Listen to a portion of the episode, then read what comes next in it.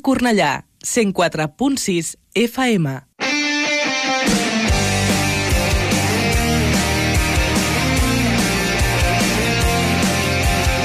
Ara comença l'Esport al punt. Tots els dilluns a les 9 del vespre a Ràdio Cornellà. Joel Gadea. Què tal? Bona nit, benvinguts i benvingudes a l'Esport al Punt. Sí, hem tornat per un breu lapse de temps, només serà avui, li enviem una abraçada molt forta a l'Eros González, que està malaltó, i aviam si es recupera, si es recupera ben aviat. Fa unes setmanes, Osasuna va classificar-se per la final de la Copa del Rei, una d'aquestes coses que, com a aficionat al futbol, doncs molt a veure, perquè no passen de forma gaire, gaire habitual. Mireu, fa un parell d'anys, amb Osasuna Cué de primera divisió i amb una ratxa dolentíssima, va sortir en roda de premsa el director esportiu Braulio Vázquez per ratificar l'entrenador, que era Yagoba Arrasate. De fet, ho continua sent i, a més a més, el van acabar renovant. Ara mireu on estan. Doncs una cosa similar, salvant les distàncies, és clar, és el que ha fet el Cornellà. Estan en un mal moment, sí, però el club li ha donat tota la confiança del món a Gonzalo Riutor, que l'any que ve doncs seguirà sent l'entrenador del, del primer equip. Aquest gest, en un molt bon moment de l'equip, les coses com siguin, és importantíssim. Dona la calma i la tranquil·litat necessàries per treure endavant els moments complicats i, a més a més, per construir mirant cap al futur. I això doncs, no hauria de ser notícia al món del futbol, però tal com venen els temps que estem vivint, sí que ho és. I és una notícia boníssima, que el Cornellà sàpiga el que es fa i que el demostri d'aquesta manera. Les 9 i 4, aquests són els titulars del cap de setmana a nivell esportiu.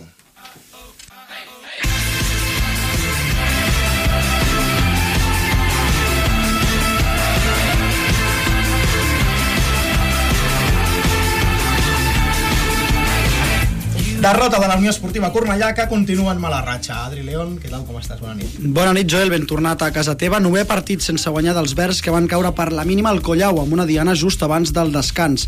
La desfeta provoca que el Cornellà quedi a només un punt de la zona de descens. Propera parada finalíssima, a casa, davant el Calahorra. Sani i Almeda no guanyen, però tampoc perden a segona catalana. Òscar Lleste, què tal? Bona nit. Bona nit, Joel. Doble ració d'empats. Com bé acabes de comentar, aquesta jornada segona catalana. El Sani va empatar un en la seva visita a l'Atlètic Vilafranca amb Diana d'Aquino, Sergio Bacas. El punt deixa el Sani a 3 de la quarta plaça. D'altra banda, l'Almeda va sortir amb un puntet de la seva visita al Legends l'Hospitalet després d'empatar 0. I bones notícies pel Cornellà, però dolentes pel Fontsanta Fatjó a Primera Nacional Femenina. Cristina Moreno, què tal? Bona nit. Bona nit, Joel. Tinc aquí apuntat Eros. Bona nit, Joel. Eh, com us agrada dir, una de calç, una d'arena, una de cada pels dos equips cornellanencs a la màxima categoria. Per una banda, derrota de la Fontsanta davant el Villarreal B i de l'altra, victòria contundent del Cornellà 4-0 davant l'Sporting Santa Pons a Talarrúbies. A falta de quatre jornades, recordem que els dos equips cornellanencs ja tenen la permanència assegurada. I en bàsquet, cap de setmana per oblidar dels equips de la ciutat, Adri.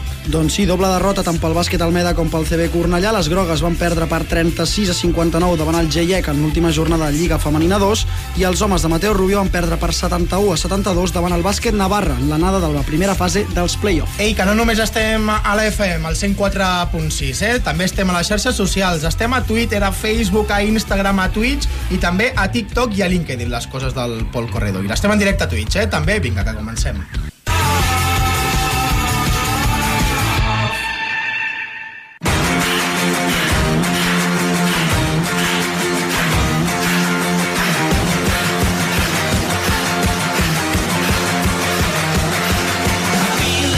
Moment per repassar tots els números i tots els partits que ens ha deixat el cap de setmana. Primera parada, com sempre, parlem de futbol, de futbol, parlem de Primera Federació Grup Consorci. Jornada 32, va, derrota per la mínima del Cornellà al COI, en aquest cas 1-0 davant l'Alcoyano, classificació queden 14 amb 39 unitats, un punt per sobre el descens, que el marca la Nucía, i la propera jornada el Cornellà que rebrà el Calahorra, equip que està en descens i bastant perjudicat, diumenge 23 a les 7 del vespre. Baixem uns quants esglaons de cop i ens plantem a segona catalana, subgrup 3.4, és a dir, el subgrup de permanència. On l'Almeda, com hem comentat abans a titulars, va empatar 0 davant el Legends l'Hospitalet. Són primers d'aquest subgrup amb 33 punts, a 7 del tercer en aquesta lluita per la permanència. Propera jornada, Almeda Sant Feliuenc B, diumenge a un quart d'una. I continuem amb segona catalana, però ara fase d'ascens 3, és a dir, el Sani. Correcte, empat a un del Sani al camp del Fundació Esportiva Atlètic Vilafranca. El filial del Vilafranca són cinquens amb 40 punts. Propera jornada visiten el Gornal de les Estrelles de, de la Kings League amb Cristian Ubon, Pol Lechuga i companyia.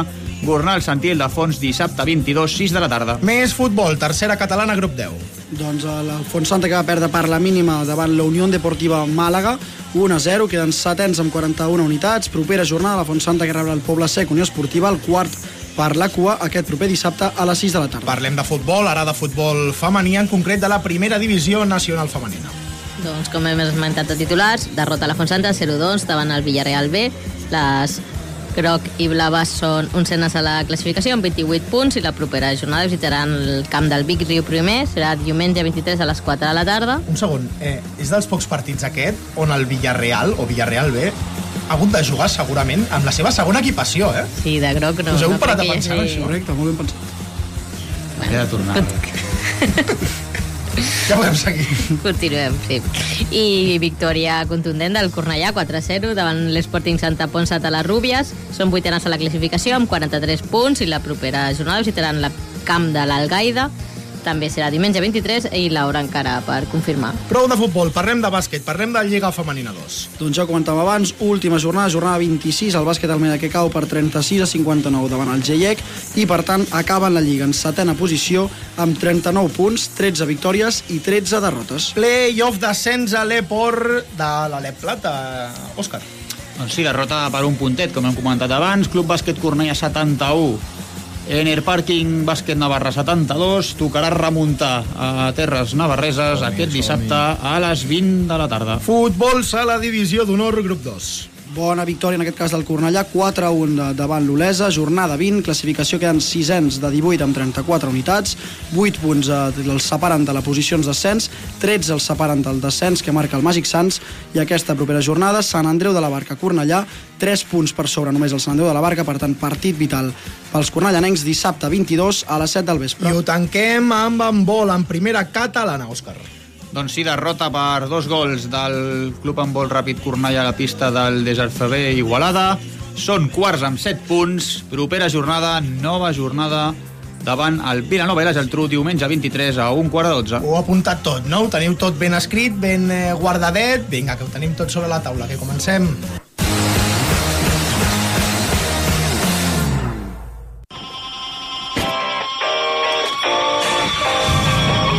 protagonista, Adrià León.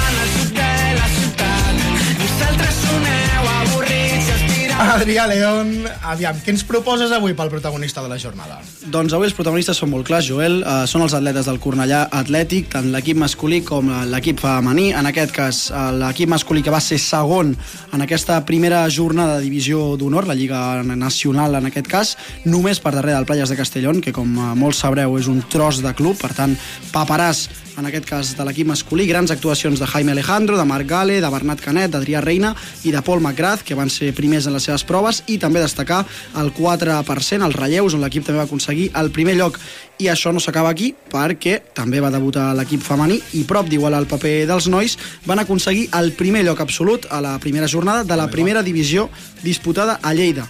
Uh, ens ho van comentar fa uns uh, quants programes, volien aconseguir el millor paper aquesta temporada, les noies en concret volien aconseguir l'ascens, doncs de moment sembla que estan en el camí, per tant, felicitats a l'equip masculí, felicitats a l'equip a femení i, per suposat, a tot el club del Correll Atlètic, perquè això és una feina de tots. Doncs per vosaltres és el protagonista de la jornada pels atletes i les atletes del Cornellà Atlètic han començat com un tro aquesta temporada.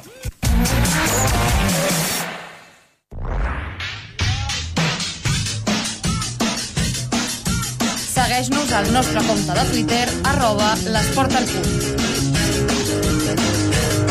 Són les 9 i 11 minuts del vespre d'aquest eh, dilluns 17 d'abril. Hem de començar analitzant el que ens ha deixat la jornada futbolística aquest cap de setmana. Hem de començar parlant d'aquest Alcoyà 1, Unió Esportiva Cornellà 0. Abans de res, vols dir alguna cosa, Òscar? No, bueno, que... Jo ja lo dije, no? La gent estava molt il·lusionada, que és bo il·lusionar-se, però s'ha de tocar tots a terra. I doncs podia passar i ara ens estem veient amb, ja amb l'aigua al cuello, no? com diria aquell, amb només un marge de, de respecte a la zona de descens. És que la dinàmica és dolentíssima, eh? És Un molt punt de marge, volia dir. Sí, sí. No, no, jo ara estava mirant. Uh, darreres 5 jornades, el Cornellà suma un gol a favor, darreres 9 jornades en suma 3.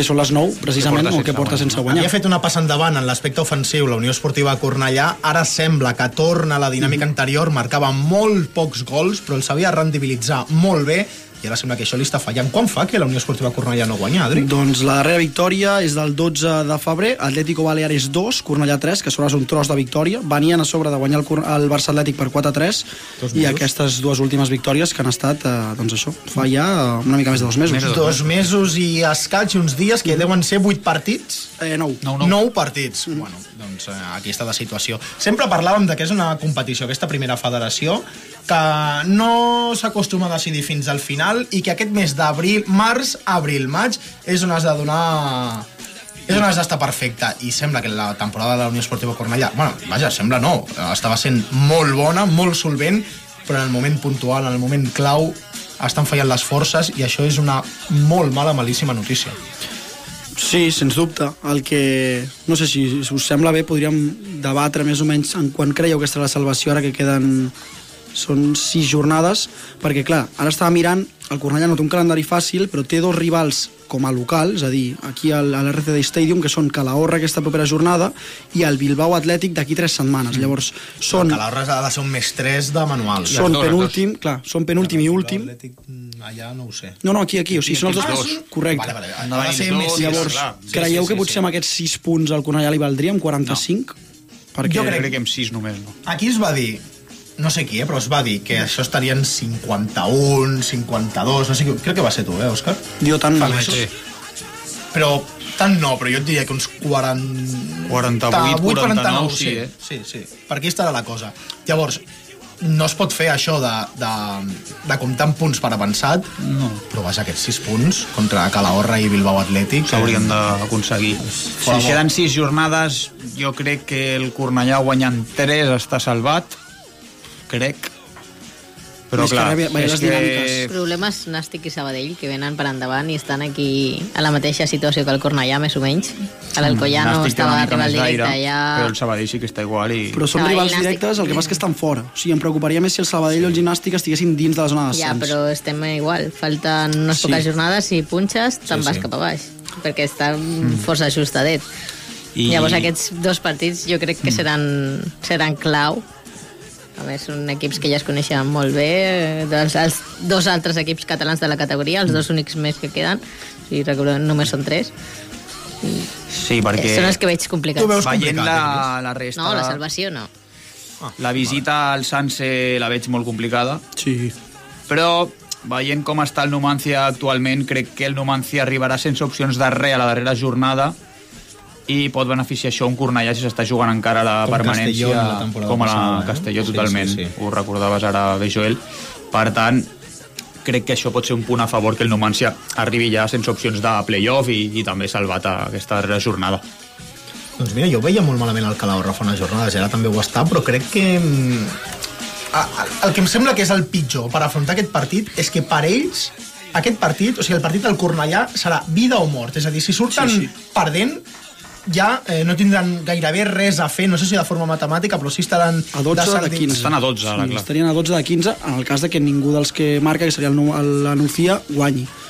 Però no, O no estaran matemàticament. El que vaig, eh, sortiran al partit tant Calahorra com Bilbao Mm. Atlètic contra el Cornellà com si fos la seva final, i això, ostres, Bilbao Atlètic ja, jo crec bueno, que... Bilbao Atlètic ja... Sí, Sí. Sí, no jo crec que estarà cosa. Ja si no està descendit, estarà... Però jo, jo estic amb el Joel que un filial no te'n pots eh, refiar mai. mai, mai, mai. I menys quan juguen sense pressió. Clar. Sí, per això, És és, com- és l'honor de, bueno, acabarem la temporada bé i aquests Bueno. com que no... O no, i que no deixen d'estar... a nivell competitiu. no, clar, eh, que Que tots aquests, o mirant, sigui, han eh, baixat, però s'han de guanyar un lloc l'any que ve o al Bilbao Atlètic, o sortir cedits a un altre equip de primera federació, Sí, sí. o qui sap, l'Atlètic Fer la funciona de pretemporada, Clar, sí, sí. Exacte, pretemporades, mm, això és un, un submón eh, dels filials que, que hauríem de, de comentar-lo de comentar algun dia. Per cert, eh, veu veure el partit contra l'Alcoyano? Heu vist highlights? Veu Sí. palpar més o menys com va ser, com va ser el tema? projecció ofensiva del Cornellà a la justa, hi ha alguna jugada pilota atural, algun eh, xut llunyà, no crea tampoc en accés a l'Alcoyano, però sí que les dues tres ocasions que tenen són bastant més clares, el gol arriba just abans de descans i també a pilota aturada, però sí que és cert que la primera del partit és un mà a mà que envien al pal, a la segona part també tenen alguna jugada així més, més clara, per tant, no diré que és eh, marcador clar, que al final és una victòria merescuda, però sí que l'Alcoyano crec que va fer una mica més de mèrits que el Cornellà per, per aconseguir aquests tres punts. Estava mirant ara també eh, l'any passat, per contextualitzar, el descens al final el marquen el San Luqueño i el Sevilla Atlético amb 46. Ara està amb 38, quedarien 8, de 18 que queden, jo no crec que acabi... Bueno, no sé si la Nucía acabarà sumant 8 de 18, ahí, ahí estarà, eh, jo crec. No Aquí sé, estarà- aquí mira, estarà l'Intercity també, com comentàvem, també està aquí i ha I ha destituït l'entrenador, sí. i Molt just, eh? A Siviero. falta de mes i mig, a mi em sembla justíssim, eh? Però...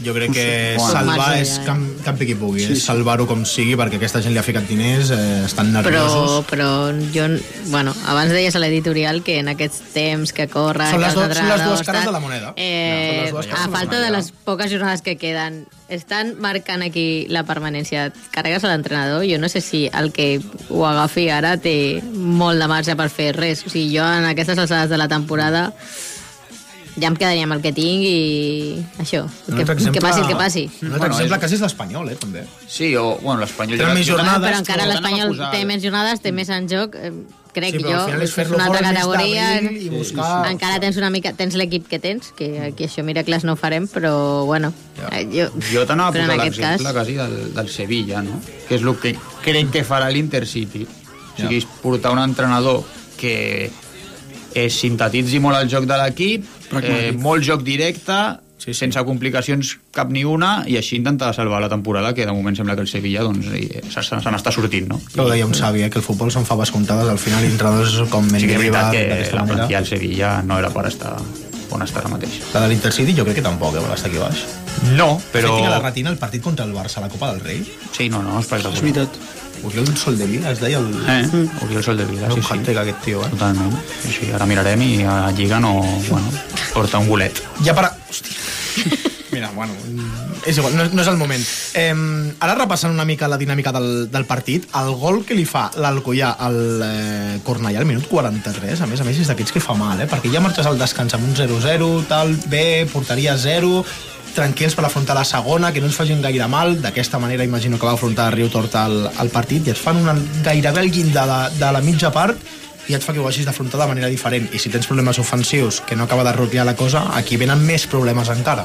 Sí, jo crec que sí, que al final és el que dius tu. Sí, ha de per si un gol psicològic just abans del descans fa mal, però si sobretot tens problemes per realitzar-ne i per remuntar partits, el, el, el mal és doble. De fet, el Cornellà suma 27 dianes a favor en 32 jornades, és menys d'un gol per jornada, i només la U de Logroñés, el Calahorra i el Bilbao Atlètic, que són els tres últims classificats, realitzen menys gols que el Cornellà. Per tant, el Cornellà ha empatat això sí amb el Numància, que encaixa molt poc també, aleshores eh, està tan amunt perquè com encaixa poc doncs eh, rentabilitza molt més que el Cornellà els gols que marca a favor.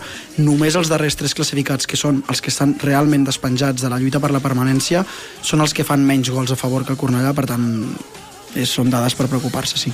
Doncs sí, doncs té l'oportunitat al Cornellà. A més a més, aquest diumenge, el dia de Sant Jordi, ja a les 7 de la tarda, és a dir, els eh, seguidors del, del Cornellà, tenen temps, tranquil, Pol, de passar el seu dia tranquils, de passejar, de celebrar la diada de Sant Jordi, i a més a més, acabar el diumenge i acabar la setmana a l'RCD Stadium veient el partit i veient el segur que el més 3, perquè jo hi confio. La veritat és que sí que, que hi confio. Tanquem carpeta a primera federació. El Pol, si em sembla, Joel, diu que no perquè està mosquejat amb l'horari de... que ell, ell treballa a les 4 de la tarda. Però no ho pagui, no ho paguis amb el, i amb el futbol. Ho paga amb la Lliga. Ah, o sigui, no juga, no, diumenge 23? Explica-li a Tebas, que ha ficat un Barça Atlètic a, les, a un quart de cinc.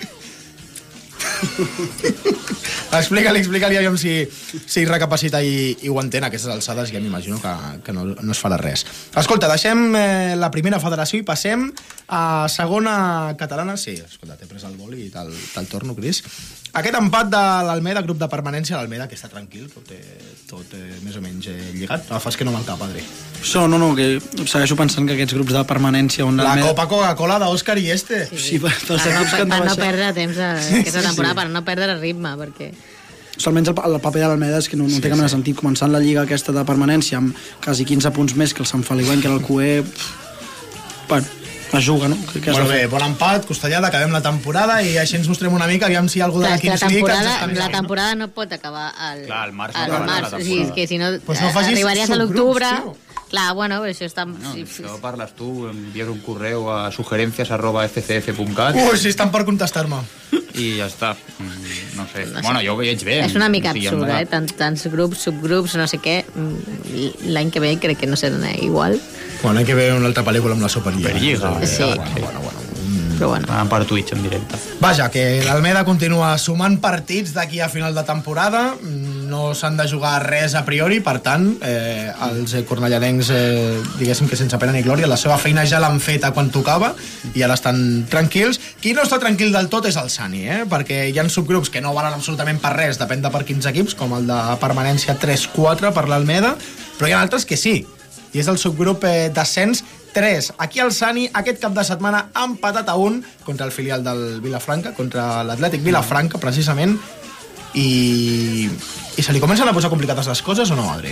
Bueno, és que, clar, en- passen directes els tres primers, com comentàvem les setmanes anteriors, passen els tres millors quarts, i clar, el quart del nostre subgrup és el Fundació Atlètic Vilafranca. Aleshores era típic partit de 6 punts, on el, on el Sani, òbviament, eh, a domicili, si no m'equivoco, però havia de sumar havia de sumar de 3 si volia almenys ja empatar pràcticament amb l'equip que podria acabar entrant si els resultats es donen als altres subgrups.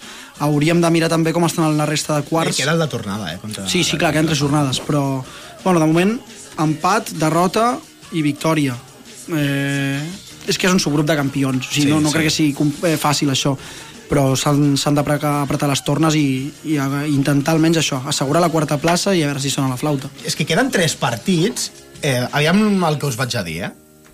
Jo no veig mm, fora d'òrbita arribar al Cubelles i quedar tercers, eh? Ah, uf, això ho veig més complicat sent 6 de 9, perquè el Cubelles hauria de punxar o els 3 i tu guanyar-ne dos, o que guanyés... Va guanyar el Cubelles, pots, potser... Va guanyar l'Sporting Gavà, crec. A veure, deixa'm-ho mirar. L'enfrontament particular contra el Sani. Vull dir, Jo, que és el que- ja ho veig massa. I mira que... Són sis que punts, queden nou en jo joc, veig, bueno, jo veig és massa. guanyar els tres Però em i que sé el el, perdi el teu i tres un altre. quarts. Cubelles va guanyar el, el Sani i el Sani va guanyar l'Sporting Gavà. Però estava mirant ara la taula... Allargueu-me, allargueu-me això, que ara us ho soluciono. Sí, sí, el del Gornal. Ho, ho té penjat al Gornal, eh? Pol? Ai, Pol, mare de Déu. Òscar, ho està, No, està no, actualitzat, no. eh? Està actualitzat. Pol Estella que té malament un braç, una cama... Sí, jo crec que és aquesta no sé setmana. Què, bueno, no, una barbaritat. El Marc es riu, també. Té, té. No, és igual, deixem, Una cosa, deixem que eh, acabi som un ja programa de ràdio. Eh, Ara ara veieu mateix- tan malament? No, no, perquè l'Atlètic Vilafranca és un dels tres quarts que està dins ara mateix, segons les, les dades. Dic la meva pedrada. Ah. Arriba a Ser tercers. tercer, ser tercer és una mica agosserat ja. És una mica del Sani, això. És guanyar els tres i que Cubelles perdi el teu i un altre. Però entenc que és només a una jornada? No és anar i tornada, això, ja? Sí, sí, ja sí. està, bueno, és, un, Pues és una lligueta. Aleshores queden un xorro de partits. No, Sí. Ah, només jugues contra els... Vale, no he dit res, perdoneu, perdoneu, perdoneu. per això queden tres partits. Molt complicat. Queden contra Sitges... Bueno, Sitges... Bueno, Sitges pot jugar la carta de que ja estiguin pujats. I depèn de com... Jo, com, com ha començat el Sani aquesta segona fase, mmm, no ho veig tan clar, però... Després de sí, fer-ho- quart sí, però tercer ja ah, massa. aviam, Òscar, que no, ens portes els números. Bueno, després de fer-ho de manera rudimentària i la, la trilla ho tenia ja fet, eh, confirmem que ara mateix el Vilafranca està dins de- d'aquests quatre. Uh -huh.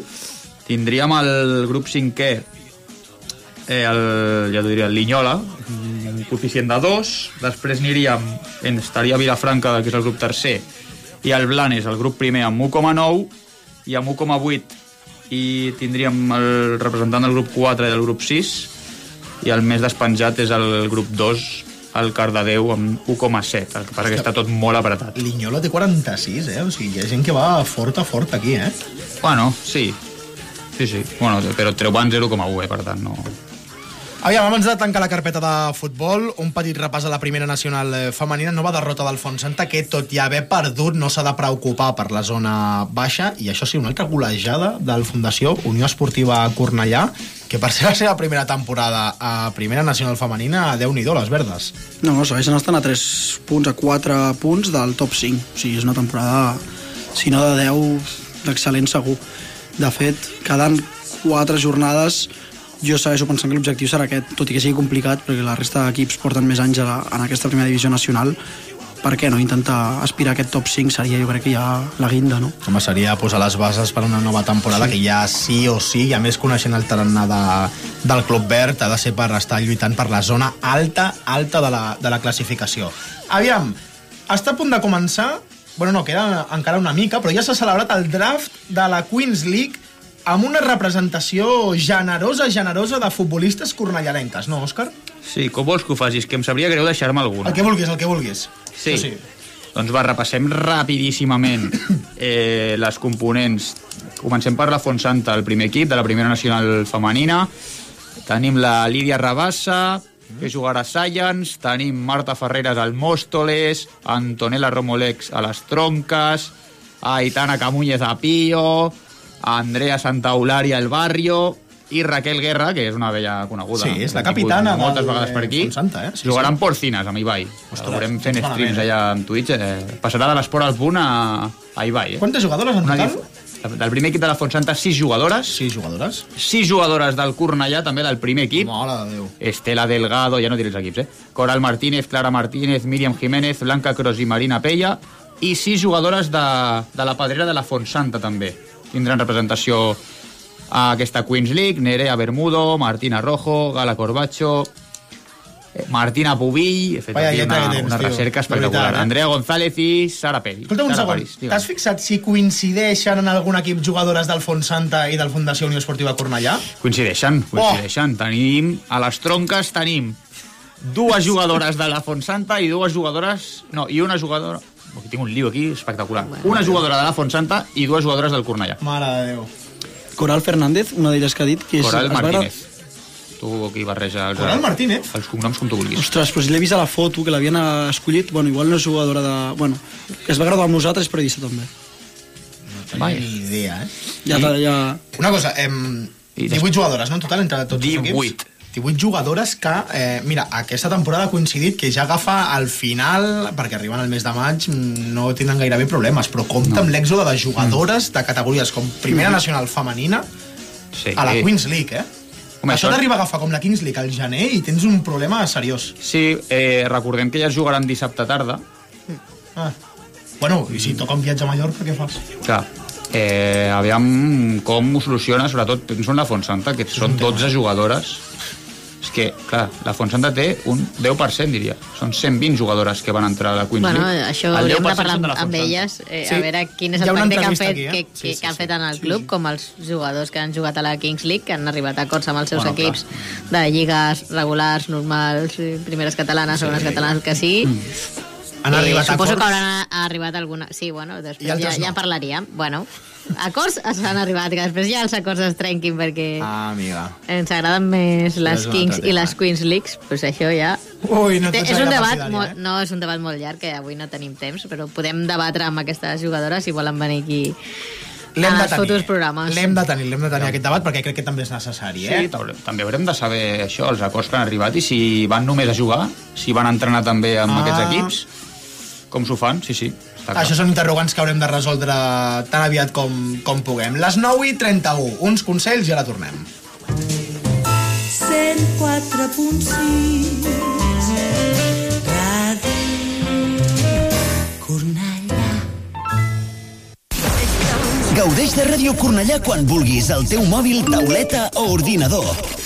Entra a radiocornellà.cat i se t'obrirà un enllaç per instal·lar al teu dispositiu l'aplicació de Ràdio Cornellà. D'aquesta manera la tindràs sempre actualitzada. Podràs escoltar la ràdio en directe, descarregar i compartir els teus programes favorits, accedir a les notícies de la ciutat i molt més. I ara amb la millor qualitat de so. Ràdio Cornellà, sempre al teu costat.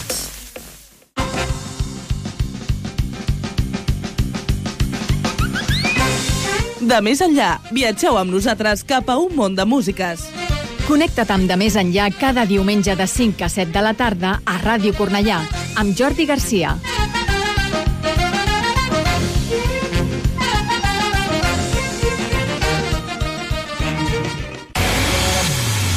Ets mega fan d'Eurovisió? Vius amb eufòria aquella nit? Encara balles Europe's Living a Celebration? Si has dit que sí i tens menys de 35 anys, això t'interessa. Viu la final d'Eurovisió amb Ràdio Cornellà. Programa especial en directe des de l'oficina jove de Cornellà. Eurofan, ja no tens excusa. Dissabte 13 de maig, viu Eurocornellà 2023. Ben aviat sabràs com aconseguir la teva invitació gratuïta. Places limitades. En directe des de l'oficina jove de Cornellà, Eurocornellà 2023. Des del cor de la ciutat i per a tota Europa. Sintonitzes Ràdio Cornellà.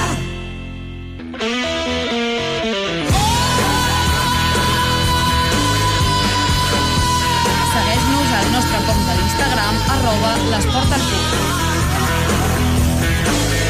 Roc del Do per parlar de bàsquet i per parlar d'aquesta derrota del Club Bàsquet Cornellà 71 a 72 contra l'Ener Parking Bàsquet Navarra. Tranquils, tranquil·les, queda el partit de tornada. Serà aquest cap de setmana. Ho van tenir a tocar els blaus, eh? van fer un gran partit, però contra el quart equip que va quedar la Lliga regular a l'altra conferència es va escapar el triomf per només un punt. Els comptes, clars. S'ha de guanyar per més d'un punt de diferència a Navarra aquest cap de setmana per accedir a la segona eliminatòria dels play-off d'ascens a l'Eport. En són tres. Aquesta, tot just, és la primera. I de tot plegat del partit de la derrota, lògicament. De l'ambientarro que es va viure al Parc Esportiu, ho volem comentar amb el coach, amb l'entrenador del Club Bàsquet Cornellà, amb Mateo Rubio. Mateo, què tal? Bona nit. Què tal? Bona nit, molt bé. Primer de tot, una valoració de- d'aquest partit, d'aquesta derrota, només per un punt al Parc Esportiu, que després en parlarem, però quin tros d'ambient contra el bàsquet Navarra. Sí, bueno, para la gente que no lo sepa, estas eliminatorias son partido ida y vuelta. Digamos, vamos a decirlo así, formato fútbol, ¿no? Es decir, si has perdido por un punto, pues lo que tenemos que hacer en Navarra es ganar por dos. Eh, si conseguimos ganar por dos, pues habremos pasado a la eliminatoria y, pasaremos a la siguiente, que será del mismo formato, ¿no? Por lo tanto, bueno, para nosotros eh, el factor pista, jugar en casa o fuera durante el año no ha sido muy importante. Por lo tanto, bueno, eh, ellos fueron cuartos clasificados del otro grupo, nosotros sextos, haber, haberles competido bien, haber dominado el partido, yo estoy contento por ello. Pienso que podríamos haber ido a, Ra- a Navarra con alguna, al- algo de renta a favor, pero no estoy descontento con el marcador. Ara deies que per, per moments veu, veu dominar el partit i veu portar el pes de l'eliminatòria. De fet, el segon quart eh, feu un parcial de 18 a 5. Què, què creus que li va faltar a l'equip per donar-li continuïtat a aquest bon moment a la segona meitat? Bueno, es un equipo Navarra que es de los máximos anotadores de, de la competición, tanto del grupo este como del oeste. Tienen mucha capacidad para meter muchos puntos, muy fácil, sobre todo tiros de tres. Los dominamos bien, los, los podemos amarrar bien, sobre todo como tú dices, el segundo cuarto, pero hubieron algunas fases del tercer y último cuarto que ellos jugaron muy libres y tenemos que estar más concentrados defensivamente porque si no ellos anotan con mucha facilidad.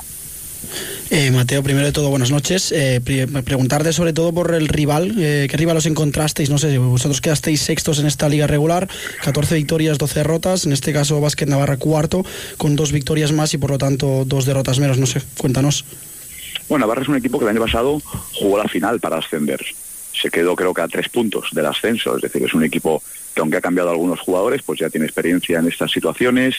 Un equipo con, a priori, cuando empieza la temporada, no con muchos nombres, pero luego consiguen un baloncesto ofensivo muy importante. No tienen jugadores muy, muy fuertes eh, o pivos muy, muy fuertes, pero todos sus jugadores pueden anotar, tiran de tres, tienen uno contra uno, son un equipo ofensivamente muy poderoso. Y como le comentaba a tu compañero, ¿no? fuimos capaces de maniatarlos bien, pero cuando te desconcentras un poco, pierdes un balón, ellos te castigan enseguida con un triple o con un contraataque. ¿no? Ahí es donde vamos a tener que estar más serios el sábado que viene. Mateo, eh, dos, dues de les peces que van fer millor partit van ser Raimon Carrasco i Àlex Llorca. Eh, Àlex Llorca 9 punts només, però 26 de valoració, i Carrasco en va, fer, en va fer 18. No sé si són els dos pilars sobre els que us voleu sustentar per tenir aquestes possibilitats del partit de, de tornada a Navarra. Bueno, nosotros tenemos a dos jugadores, a Isaac Mayo y Sergi Pino, que salen de una lesión de un mes. También Edre Hernández lleva un mes parado y les está costando un poquito terminar de coger el ritmo. Eh, Sergi Pino es un jugador con muchísima experiencia, ha jugado muchos años en Leporo, ha conseguido ascensos y esperamos que el sábado podamos contar un poco más con él. Y sí es verdad que tanto Ray como Alex son pilares, pero aquí lo importante es el bloque. ¿no? Metimos solo cuatro triples, ellos metieron diez. Cuatro triples no es nuestra media, nuestra media son siete, ocho. Tenemos que, tuvimos tiros abiertos que no metimos, tenemos que confiar en nuestra calidad porque nos faltaron, pues a lo mejor meter dos, tres triples, sobre todo en momentos puntuales que podíamos haber roto el partido y no entraron. Bona nit, Mateo. Ha parlat abans eh, l'Adri de, de l'ambient que, que va lluir al, al parc esportiu. Quina valoració fas de, de la resposta del públic el passat dissabte? espectacular.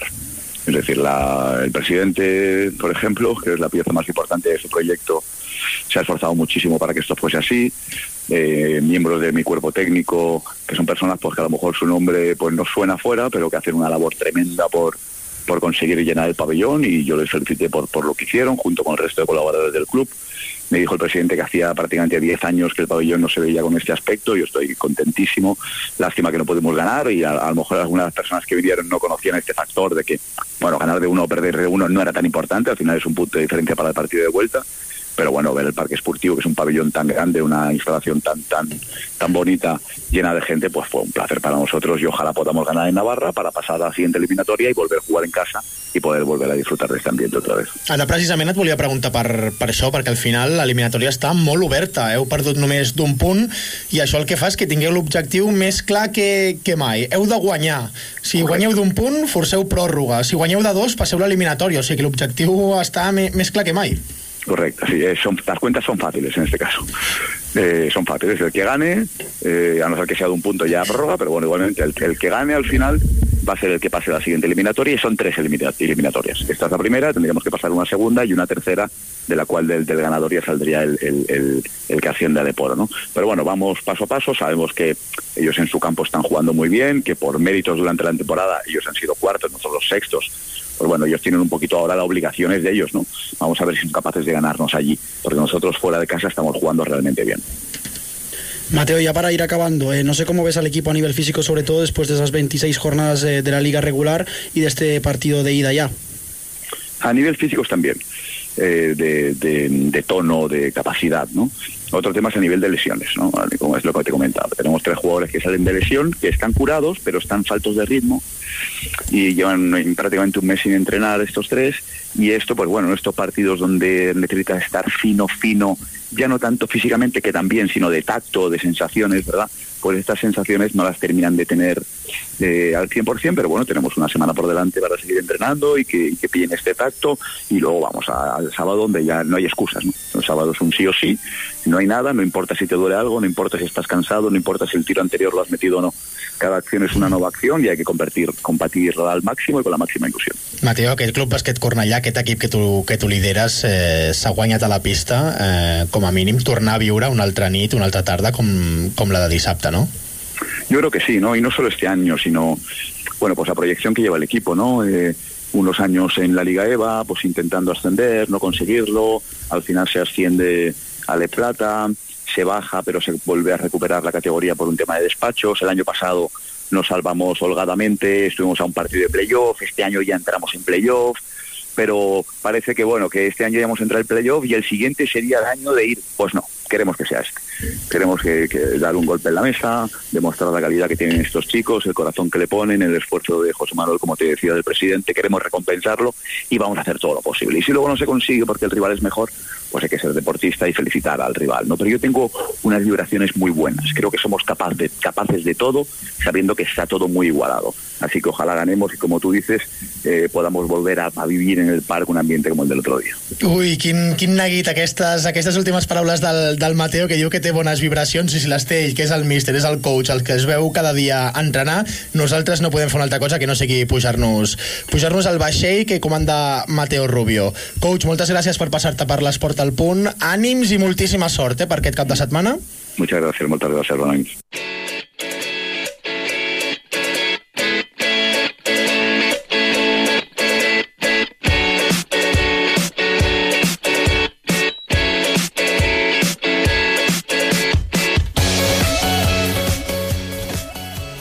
sentit les declaracions de Mateo Rubio a l'esport al punt, ja encoratjats de cara a aquest, eh, aquest desenllaç de la primera eliminatòria del, del playoff d'ascens a, a l'Eport, però és moment d'obrir el ventall poliesportiu i de parlar d'atletisme, Adri.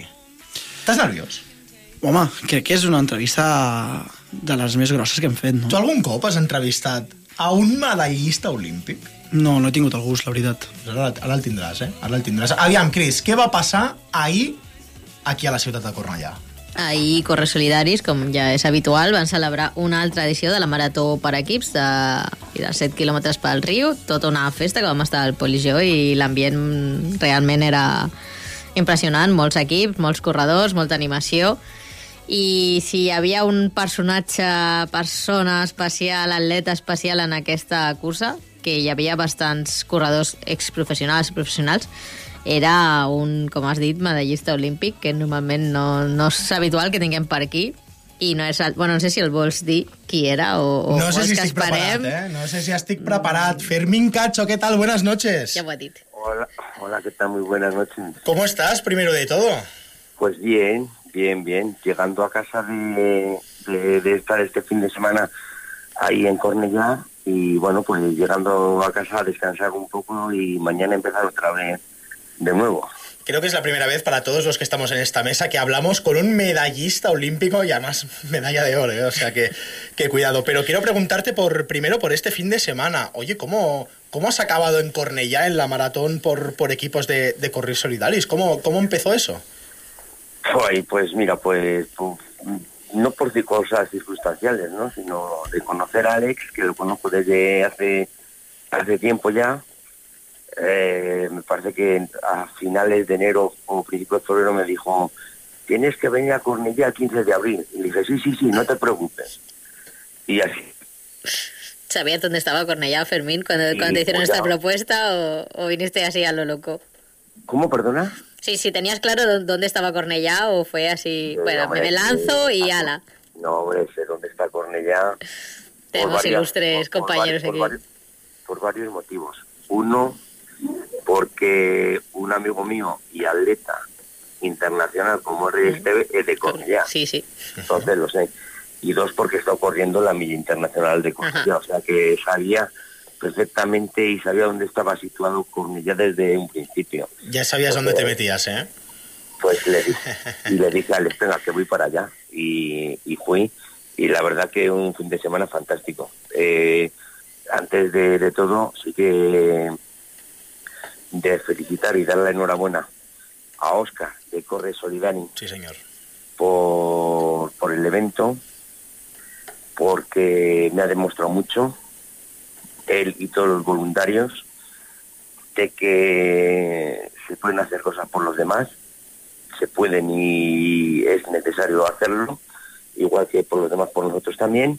Entonces, darle la, enhorabuena de, la idea, de, esa mentalidad que tiene de, de hacer las cosas para otros y yo me fui una yo me yo me he venido de, de comunidad con una cosa una lección aprendida no de que he aprendido mucho este fin de semana de, de la gente del porqué de, de todo que, que sí que el dinero es necesario para vivir pero no es lo más importante en la vida Sí, señor, sí, señor. Oye, y encima creo que te lo pasaste tan bien que yo te he visto en vídeos, en la línea de meta, diciendo, oye, que el año que viene vuelvo aquí otra vez.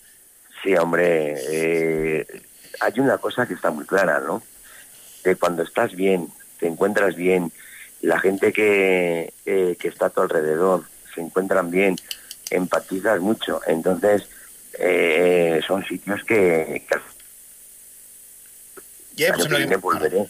Haré un equipo competitivo y, y a ver si levantamos todo el polvo del río.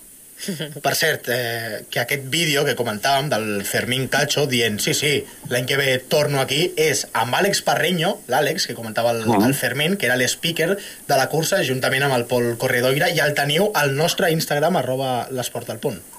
¿Cómo? Perdona, no te he entendido. No, no, que tenemos el vídeo colgado, el vídeo en que tú dices el momento que, que comentas, Ah, sí, sí, sí, sí, sí, voy a volver, que lo hemos subido a nuestras redes, si nuestros oyentes quieren pasarse a ver eh, la promesa que hiciste, pues allí, allí lo tienen. Querías preguntar, Chris. Yo, es, es- es lo mismo que es lo mismo eh, lo que dije ayer es lo mismo que le dije a Alex no cuando le dije que sí que sí que sí O sea Y que si- podemos contar con que vienes ya, o sea. y le dije y si lo dije ayer eh, es que sí que al año que viene estoy aquí otra vez ¿Cómo, cómo quedó el equipo? No sé si sabéis resultados, el, el equipo que formaste tú, que no hemos... pues pues te voy a decir una cosa como lo dije el día anterior también a toda la gente que estuvo como no es una preocupación ahora mismo de ganar o no ganar sino de colaborar, de ayudar, de pasártelo bien.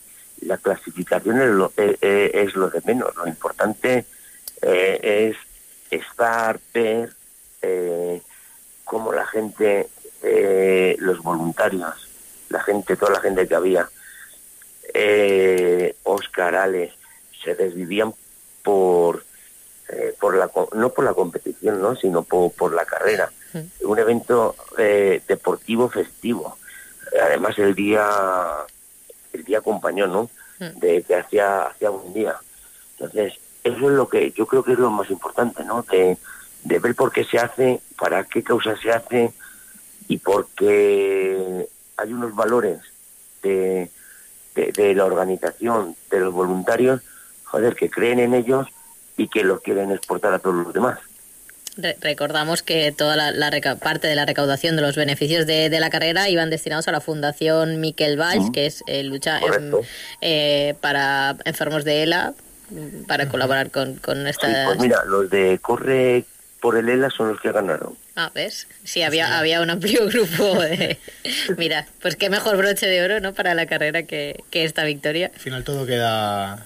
Ligado. Tot queda lligat amb, amb un cercle. Oye, Fermín... Y, y- y os digo una cosa, eh, que de, desde aquí que la gente, la gente de, de Cornellá, del Prat, de todo eh, las ciudades de alrededor, que, que, que- que el año que viene, Que s'involucren, ¿verdad? un domingo, eh, no invitarles a correr, que también, pero que sí, que se desplacen a ver eh, la competición, eh, a vivirlo, a, disfrutar con la gente, con las carpas, con los equipos, eh, porque es un ambiente de realmente de convivencia total, deportiva y convivencia.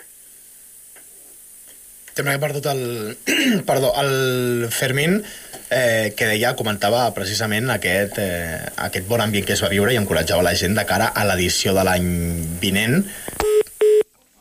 Ara sí que l'hem perdut definitivament, però ara intentem recuperar-lo, ja està el Marc. Sí, eh, com, com aquesta deia abans, vam estar al Pol i jo ahir al matí, sí. com deia el Fermín, feia molt bon dia, el temps acompanyava i realment, a part de la gent que estava fent la cursa en si, que als ser regeus pues, hi havia uns que estaven corrents, els altres animaven els seus companys, hi havia molts equips, després teníem les carpes, que de, realment, si, si passaves per allà, s'ho estaven passant molt bé, amb, amb tot tipus Ah. Tu t'ho vas de, passar de menjars. Eh, sí, sí, sí. Nosaltres, bueno, el Pol està aquí dins i potser no... Però ens ho vam passar molt bé, perquè l'ambient realment... tu no, eh? No, no, el Pol no estava treballant. Nosaltres Ah, no? vam anar a treballar per aquest programa. Estava... L'Speaker això era... no es el- treballava o què? Sí, sí, Ah, estàvem pues tots dius? dos per aquest, per aquest programa. Per, per... Ah, com... Bueno, vale, això ja és un Estàvem fent el que no contacte, mateix. estàvem, estàvem cursant l'ambient i... Hemos recuperado a, al, Sí. a Fermín, que te habíamos perdido. escuchando.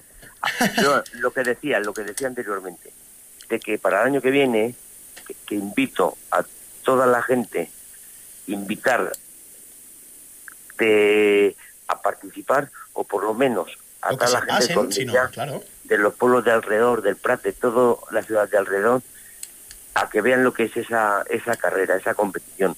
Que no es competir, es solidaridad. Ah, eh, pero puro y duro, sol- sol- solidaridad con los demás. Y, y- y el ambiente que hay, el festivo, la convivencia que hay, de, de ver, de, de todo el mundo va poniendo su granito de arena pues, pues para intentar hacer una sociedad mejor. Yo creo que, que es lo más importante. Pues sí, pues sí, te tenemos que dar toda la razón porque al final eso crea comunidad y acaba haciendo que, que las sociedades avancen y, vayan, y vayan a mejor. Oye, Fermín, em, ya me perdonarás que te lo habrán preguntado 40 millones de veces, pero yo no puedo desaprovechar la, la oportunidad y te voy a preguntar por el verano de 1992. Así a bote pronto, lo primero que piensas cuando recuerdas ese verano, ¿qué es? pues una espera durante mucho, durante seis años, de que llegue el 8 de agosto del 92 para eh, ser finalista en unos Juegos Olímpicos. Digas, Adri. No, yo, Fermín, bueno, primero de todo, Lo que me viene a la cabeza. buenas noches. Eh, a raíz de lo que te pregunta Joel, pues eh, concretar un poquito más.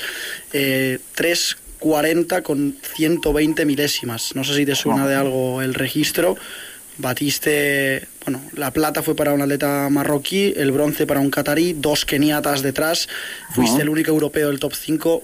¿Cómo recuerdas esa, esa final de 1500 que, que pasó a la historia, y además aquí en Barcelona, en, en casa? Bueno, pues la recuerdo vamos, como si la estuviese comiendo ahora mismo, ¿no? De, yo tenía prácticamente pensada una estrategia que pensaba que iba a ser una carrera rápida. Después a, partir del primer 400 fue lenta y sabía que iba, se iba a correr los últimos 100 metros. Estar preparado, estar, entrar en la última vuelta bien colocado, que así lo hice y a falta de 200 metros, pues cuando el alemán quiso pasar al keniata, se abrió el keniata, vi el hueco, no me lo pensé, pasé por allí y lo único que decía, Fermín, cierra los dientes para donde aguantes. Llegué a la recta llegada, volví a cambiar de ritmo y pensaba que algo muy malo me tenía que ocurrir para no ganar la carrera.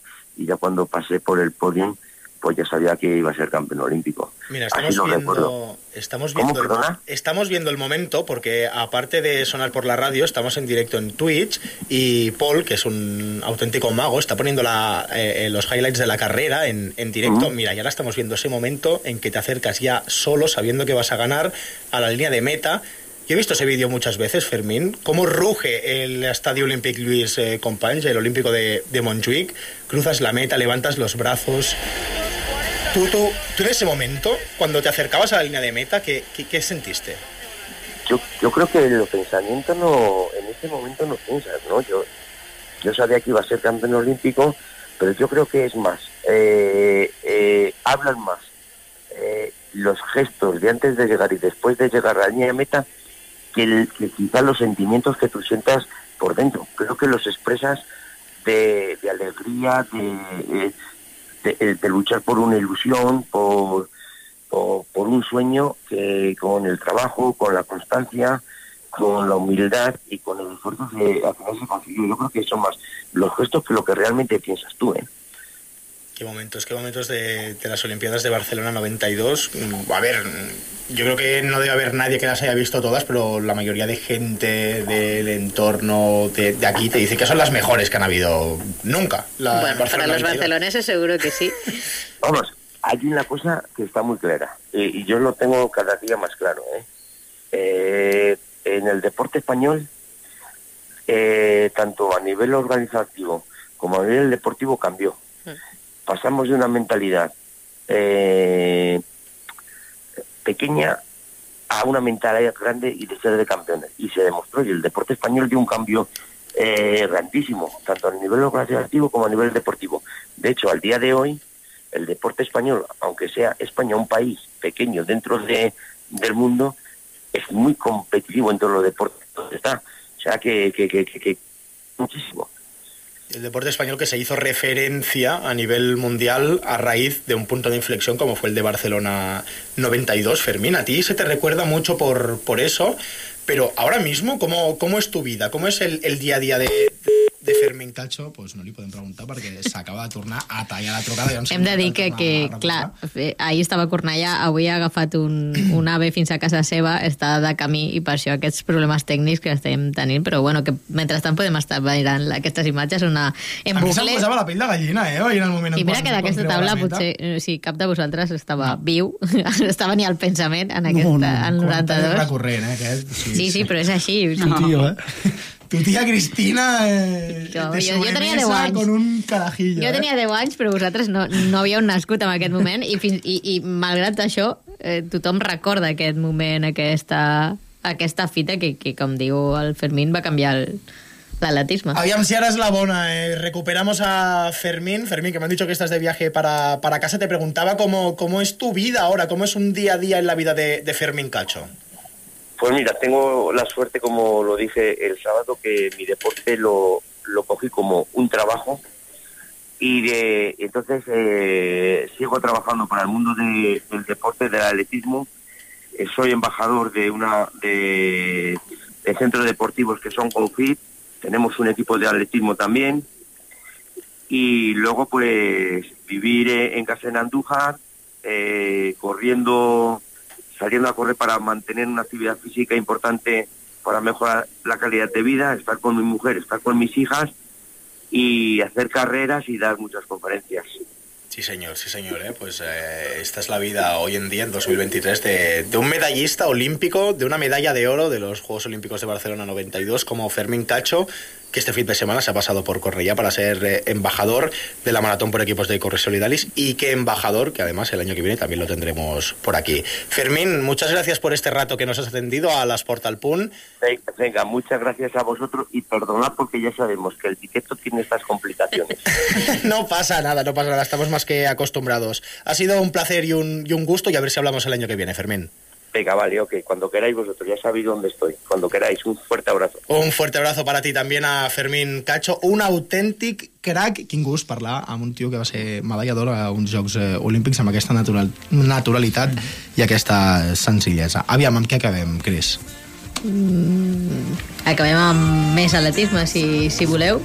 Ja ho ha esmentat l'Adri, a, a, el protagonista de la jornada, però aquest cap de setmana també hi havia una altra cita important a nivell de, d'atletisme cornellanenc, que era la jornada... Adri, ho vols explicar tu? No, no, Mentre fes, fes, ballen. veritat. Sí, Sí. la primera jornada de, de la Lliga Correcte, divisió honor i primera. i amb bons resultats per l'equip masculí que recordem que aquest any debuten a la categoria Mhm. a la qual van ascendir el curs passat van ser segons de, després del Players de Castellón Correctíssim. i en el cas de l'equip femení que ja ens van comentar les atletes del club que van passar pels micròfons del programa fa uns dies Mhm. que l'objectiu també és l'ascens eh, seguint l'estela de l'equip masculí van quedar primeres a la primera jornada a Lleida Ho hem de deixar aquí, ho hem de deixar aquí, Cris, ho hem de deixar aquí perquè és que el Marc No em pots tallar està a punt de d'arrencar-me de bueno, l'estudi. això, primers i segones o sigui, al revés, Doncs segons està- i primeres Ah, Estarem molt pendents aquest cap de setmana. Nosaltres ho deixem aquí. Tornem dilluns vinent després de Sant Jordi. Cris, Adri, Òscar, Marc, Pol, moltes gràcies per acompanyar-nos. Enviem també una forta... Digues, digues, digues. No, que gràcies a tu també per venir. Home, no, sí, ja sabeu que estic aquí pel que necessiteu. Una abraçada forta a l'Eros González, que està malaltet, aviam si es recupera aviat. Baixem persiana, baixem persiana aquest dilluns eh, 17 eh, d'abril. Tornem d'aquí una setmana. Fins llavors, passeu bé.